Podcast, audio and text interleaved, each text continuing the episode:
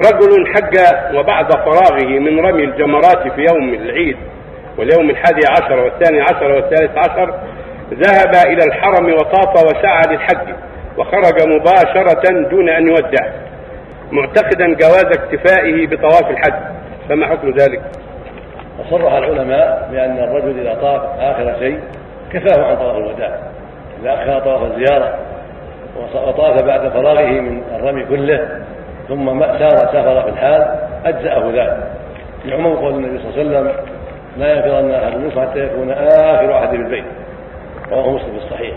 ولحول الحديث الثاني عن عباس الثاني النبي عليه الصلاة والسلام قال أمر الناس.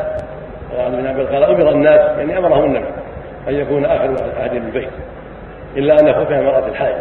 فإذا كان آخر عهد بالبيت فلا بأس. والحائض لا, ودع عليها. والنفس لا ودع عليها. لكن هو إذا طاف وطافت المرأة غير الحائض المغسله طافت عند الخروج طواف الإفاضة طواف الحج ولو كان معه السعي فإنه يجزئ يجزئها ولا يحتاج إلى وداع ثاني وإن طافت الوداع طوافا آخر طافت الحج ثم الوداع كان أكمل وأفضل.